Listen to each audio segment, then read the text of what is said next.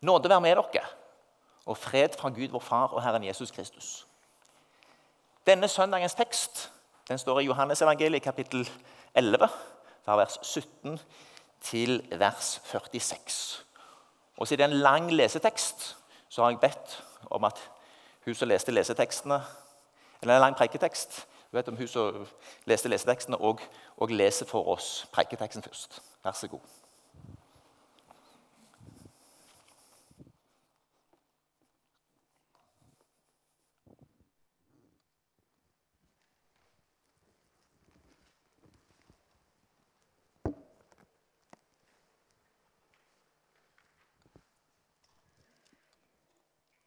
Da skal vi lese fra Johannes evangeliet, kapittel 11, fra vers 17.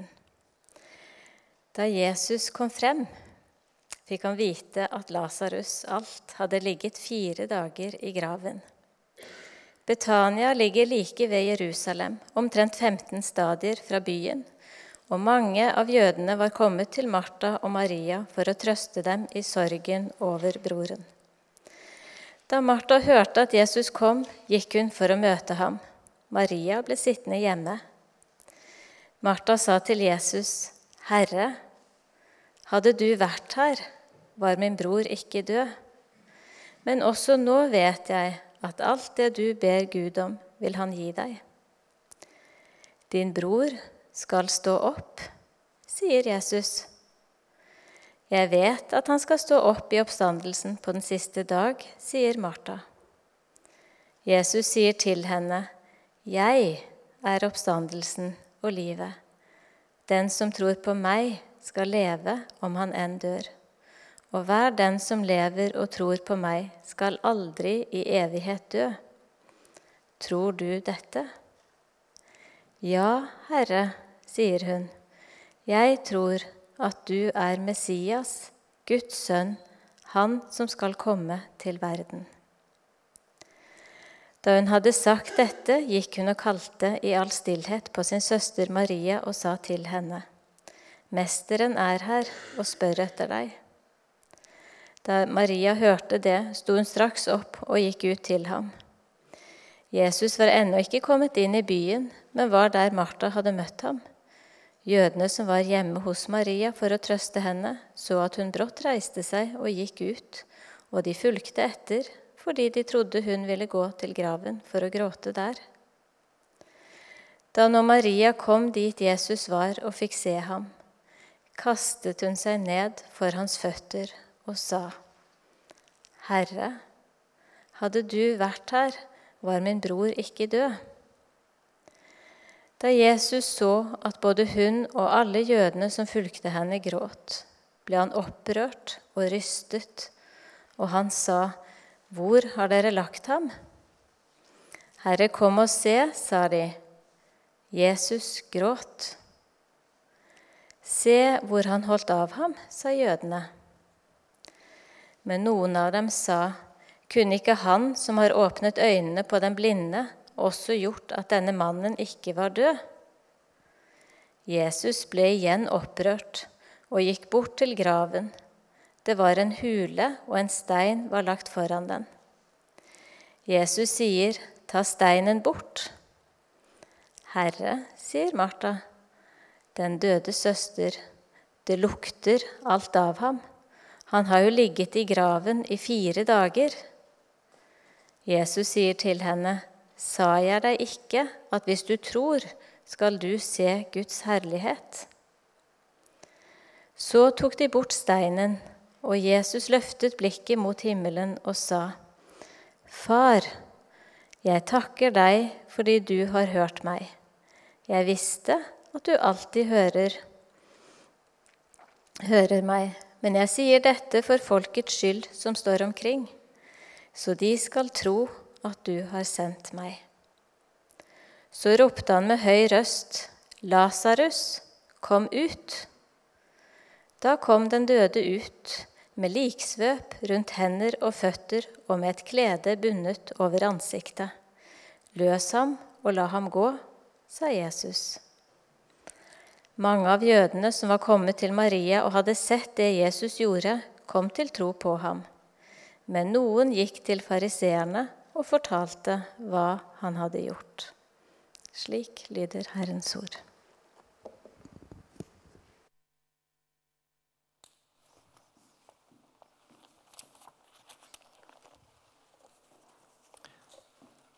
Herre, vis oss dine veier, og lær oss dine stier. La oss forvandre din sannhet. Lær oss, Gud, for du er vår frelser. Vi venter dagen lang på deg. Herre, kom til oss og vær med oss. Vær med oss i ordet, Herre. Åpne ordet for oss ved din ånd. Amen.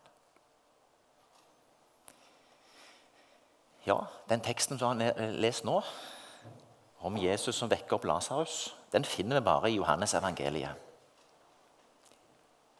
De andre bøkene i Bibelen som tar for seg Jesus sitt liv, Matteus, Markus og Lukas, evangeliene, de har ikke denne fortellingen med. Fortellingen om Lasarus er en fortelling som bygger opp mot påske. I vers 55 i kapittelet som ble lest fra, så står det det var like før jødenes påskefest. Martha, Maria og Lasarus var gode venner av Jesus. De bodde i byen Betania som vi allerede har hørt lest, ligger 15 stadier fra Jerusalem. Hvor langt er en stadie? En stadie det er så langt som en løpebane på et, på et gammeldags gresk stadion. Derav navnet stadie. Det var jo da 600 greske fot, har jeg eh, lest en plass. 192,3 meter, for å være veldig nøyaktig. Så hvis vi ganger det med 15, så kommer vi til ca. 2,9 km. Noe av det særeste jeg har gjort i mine forberedelser her, det er å finne ut hvor langt det er fra Salem og 2,9 km ut et par retninger. Uh, hvis, hvis, vi drar liksom, uh, mot Hillevåg, så kommer vi til Kvalheimberg skole. Og hvis vi reiser mot Madla, så kommer vi akkurat til St. Svithun videregående. Dette er avstanden fra Jerusalem til Betania. Uh, så langt ifra Jerusalem bodde Martha, Maria og Lasarus. Og Derfor var det en del som hadde kommet ut fra Jerusalem for å være med dem. Jerusalem var en mye større by, men de hadde jo bekjente og venner der. Og Derfor var det veldig mange som, når Jesus rir inn i Jerusalem på påskedag, eh, påske, eh, eh, palmesøndag, visste om hva som hadde skjedd i Betania. For det var rimelig i nærheten. Hvorfor gjør Jesus dette underet? Det svarer jo Jesus ganske direkte på sjøl. Men jeg sier dette for folkets skyld som står omkring, så de skal tro at du har sendt meg. Han gjør det òg for å formidle til oss alle det han allerede har sagt i vers 25 og 26, som vi kan komme litt tilbake til. 'Jeg er oppstandelsen og livet. Den som tror på meg, skal leve om han enn dør.' 'Og hver den som lever og tror på meg, skal aldri i evighet dø.' Å vekke Lasers opp fra de døde rimelig kort tid før påskehøytida blir en sterk innledning til Jesus sitt inntog i Jerusalem ikke så lenge etterpå. Alle de som hadde vært til stede da han kalte Lasarus ut av graven og vakte ham opp fra de døde, vitnet om det de hadde sett, leser vi i Johannes kapittel 12, vers 17. Når folk dro ut for å møte ham, var det også fordi de hadde hørt at han hadde gjort dette tegnet. Det skaper en heftig oppstart der. Og mange hadde kommet til å tro på Jesus pga. dette som hadde skjedd. Det er ingen tvil om at hvis vi tar dramaturgien i dette, så er den ganske god. Jesus gjør noe her som virkelig skaper rørelse rimelig nær Jerusalem. Det blir virkelig fyr i teltet. Jesus har vekt opp én 2,9 km herifra, fra de døde. Og eh, kort tid før påske så er dette noe som virkelig setter Jesus sitt navn på eh, ja, høyt oppe i overskriftene om hva folk var opptatt av. Så er det noen interessante ting vi kan merke oss her. Det står i teksten um, i vers 43 i kapittel 11 Så ropte han med høy røst Lasarus, kom ut. Roper han med høy røst for at Lasarus skal høre han? Jeg leste en kommentar det var en som sa at han roper høyt for at alle som er rundt der, skal høre at det er Jesus som roper. Og at det er på Jesus sitt ord han kommer ut. Det er Jesus sitt rop, det er Jesus sin røst, som gjør at Lasarus kommer ut. Jesus kunne gjort det på mange andre måter. Han kunne ha kviskra til Lasarus, og Lasarus ville kommet ut. Men han roper for at alle de som er rundt, skal forstå at det er Jesus som gjør det. Det er ordet fra Jesus, det er ordet fra Guds munn, som gir liv. Det viser han oss her. Og han eh, tiltar seg gjennom måten han gjør det på, den autoritet han fortjener. Han som er selve ordet, som gir liv.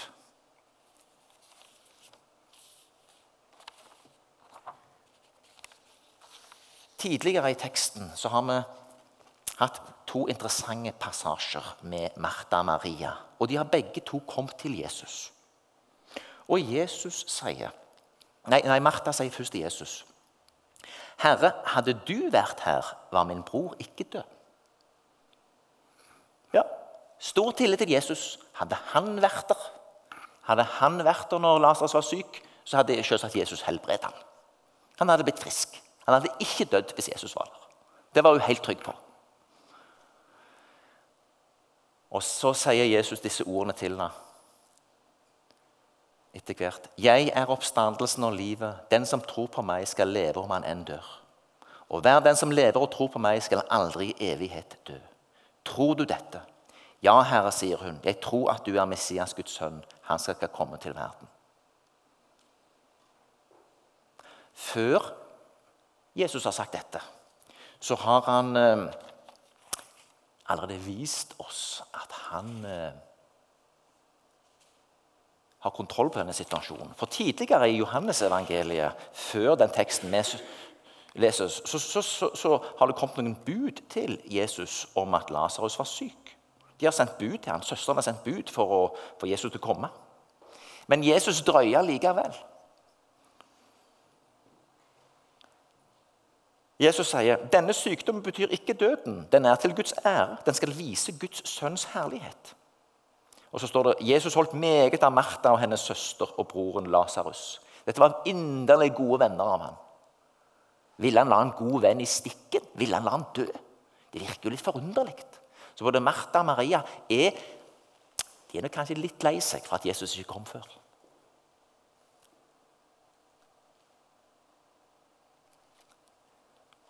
Og så sier han videre, mens han ennå er sammen med disiplene, før han har reist til Betania, til Martha og Maria. Vår venn Lasarus har sovnet inn, men jeg skal gå og vekke ham. Disiplene forstår ikke hva han sier, så de sier, 'Herre, hvis han har sovnet, blir han nok frisk.'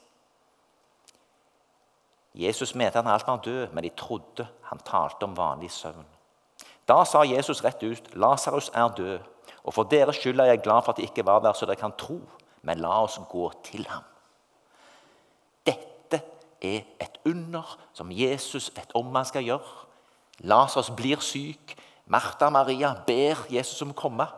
Han venter. Lasarus dør. Nå nærmer vi en situasjon som enkelte av oss er i. Sant? Vi ber om hjelp i en eller annen krise, og så skjer krisen allikevel. Og så har vel noen av oss opptatt at Gud kan også komme til oss i krisen etterpå. Det vi trodde knuste alt håp, var ikke at alt håp var ute. Det vokste noe nytt opp av krisen. Den bibelske erfaring håper jeg og tror flere av dere har hatt. Ut fra det som i utgangspunktet så ut som en total krisekrise, så skaper Gud noe. Derfor er det så godt å kunne overlate hele sitt verk i Herrens hånd. Og krisene. Det er ikke slik at en krise, selv ikke en død, er noe som er en krise som eh, ødelegger alt for oss. Gud har kontroll på den òg. Det kan vi hvile i. Og så har han så møtt Martha. Og han har da allerede sagt til hun, før det jeg siterte nå i stad Din bror skal stå opp, sier Jesus. Og Da sier Martha, jeg vet han skal stå opp, stå opp i oppstandelsen på den siste dag. Og Det er da Jesus sier dette. Jeg er oppstandelsen og livet. Den som tror på meg, skal leve om han dør. Hun forstår nok ikke ennå at Jesus har tenkt å vekke opp Lasarus. Men så sier hun da til uh, søster si, 'Mesteren er her og spør etter deg.' Og Maria går ut til Jesus. Og Så kommer Maria til ham og sier det samme. 'Herre, hadde du vært her, var min bror ikke død.' Hun er nok ganske lei seg for at broren er død. Og Jesus lever seg inn i sorger som både hun og de andre har. Dette var en god venn av han. Og det er interessant å se at Jesus, som altså da vet at han skal vekke opp Lasarus, er med dem i deres sorg. Det er veldig interessant. Han som er selve håpet, han som har all makt, han kan leve seg inn i vår sorg, selv om han vet at vår sorg her og nå er forbigående. Han lever seg inn i den.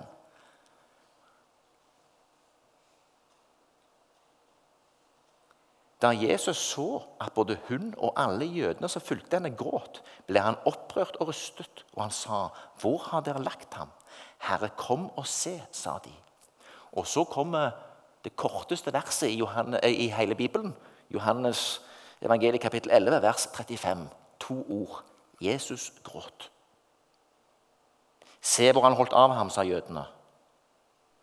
Men Olav sa, kunne ikke han som har åpnet øynene på den blinde, også gjort at denne mannen ikke var død?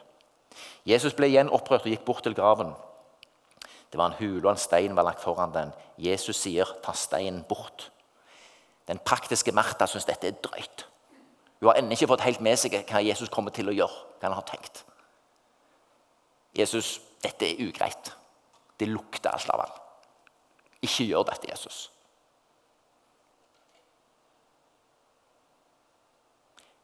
Men Jesus sine tanker er større enn våre tanker. Selv om Martha ikke hadde troen på dette underet, så er ikke det det viktige. Det viktige er hva Jesus har bestemt seg for å gjøre. Hans allmakt. Hva han kan gjøre. Og hva han allerede har forplikta seg til i sitt ord om det han faktisk har sagt. Om at eh, Lasarus eh, bare har sovna, og at han skal gå og vekke han opp igjen. Jesus sier nå til Martha, sa jeg det ikke at hvis du tror, skal du se Guds herlighet? Så tok de bort steinen, og Jesus løftet blikket mot himmelen og sa, Far, jeg takker deg fordi du har hørt meg. Jeg visste at du alltid hører meg, men jeg sier dette for folkets skyld, som står omkring, så de skal tro at du har sendt meg.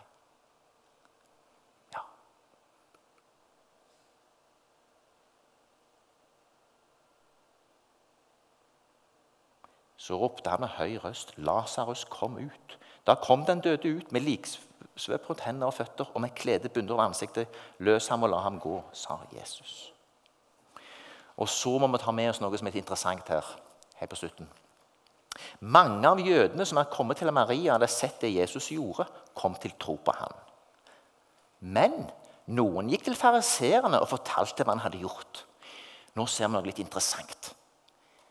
Det nytter ikke alltid å ha svære under. Det er ikke slik at alle da blir begeistra og tror på Jesus. Det er faktisk ikke sånn, Selv når noen ser den kraft som her finnes. Noen var mer opptatt av at Jesus nå hadde gjort noe som var litt utenfor dagsorden. Som, som var helt uh, rotete i forhold til de religiøse lederne sine ideer og tanker. Det må vi òg være åpne for. Uh, for vi òg kan bli lukka inn i et fariseres perspektiv. sånn at uh, Gud skal åpenbare seg på den måten vi har tenkt. Og når det skjer noe utenfor boksen, så, så ruster det sånn at vi så du hva som skjedde nå? Vi må være åpne for at Gud finner på paradoksale, gale ting som ligger utenfor vår boks. Vi må passe oss der. Det er en veldig viktig ting. Men noen gikk altså bare til fariseerne og fortalte hva han hadde gjort. Og Da endte det opp med at fariseerne nå, nå, nå, er de på sporet. Nå vil de virkelig ta Jesus. Så Senere her så trekker Jesus seg litt til sides og kommer ikke tilbake før noen dager før påske.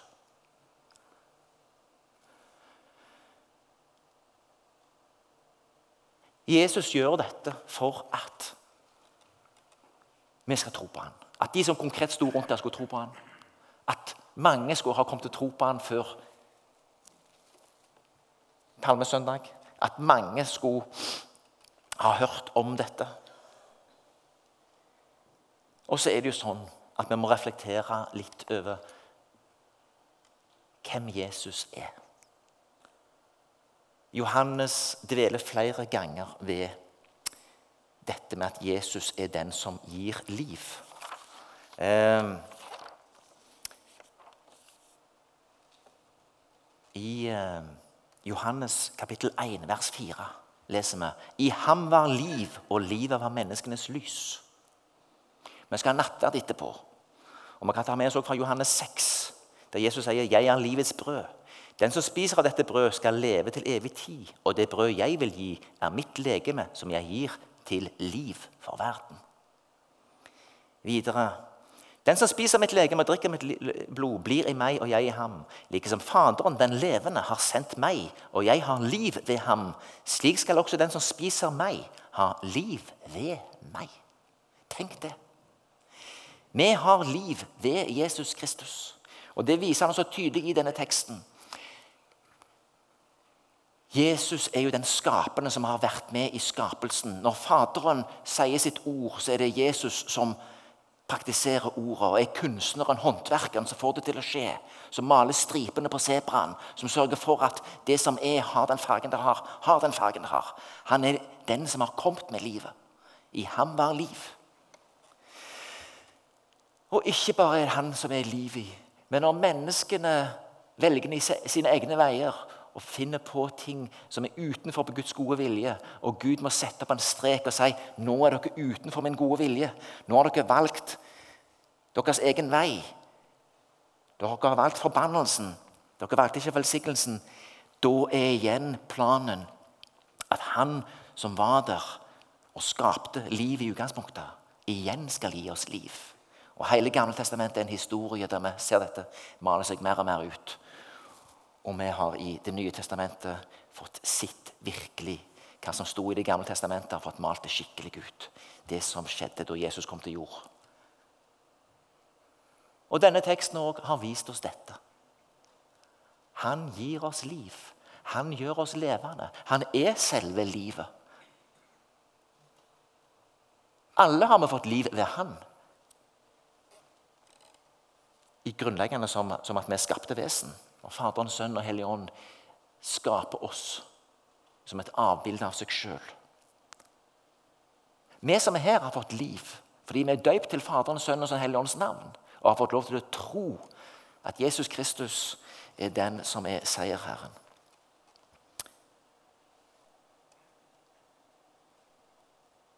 Og videre i talen sin til Eller samtalen med disiplene i på skjærtorsdag sier Jesus til Philip Jesus sier, 'Jeg er veien, sannheten og livet. Ingen kommer til Faderen uten ved meg.' Han er livet. Teksten i dag viser oss det følgende. Jesus gjør levende. Jesus kan gjøre det som er steindødt levende. Det som i den enkelte av oss, det som i et samfunn, det som i en familie kan virke dødt og vanskelig, det kan Gud gi liv til ved sin sønn Jesus Kristus, som har åpna en vei til seg gjennom han. Jesus er livgiveren. Han kommer til oss. Han har sendt oss en hellig ånd som gjør at vi skal kunne søke han, ha kontakt med han og få liv ved han. Jesus gir liv av det som var dødt. Den store fortellingen er at Han har gitt liv til hver enkelt av oss, slik at vi skal ha et evig liv sammen med han.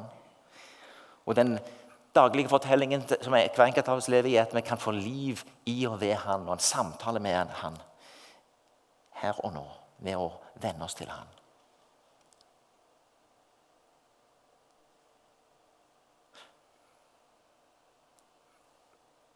Det er en fin tekst i Det gamle testamentet som er profetisk, og som sier noe veldig fint om det vi nå har lest. Om Jesus som livgiveren, han som vekker det døde til liv.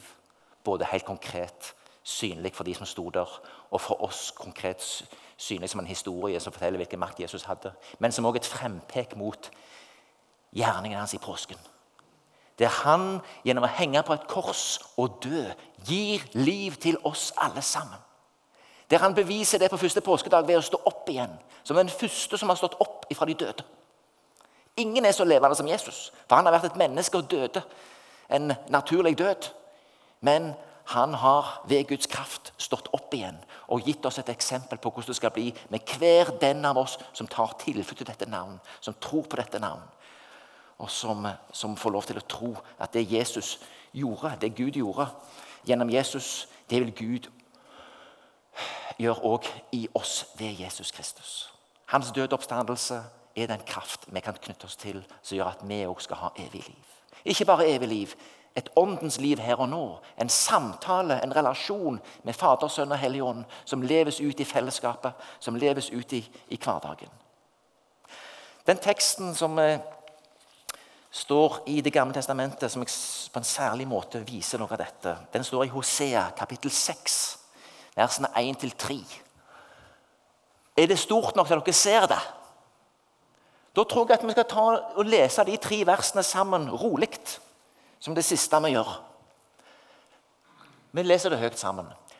Kom, la oss vende om til Herren. For Han som rev i stykker, vil lege oss. Han som slo, vil forbinde våre sår. Han vekker oss til liv etter to dager. Den tredje dagen reiser han oss opp, så vi kan leve for hans ansikt.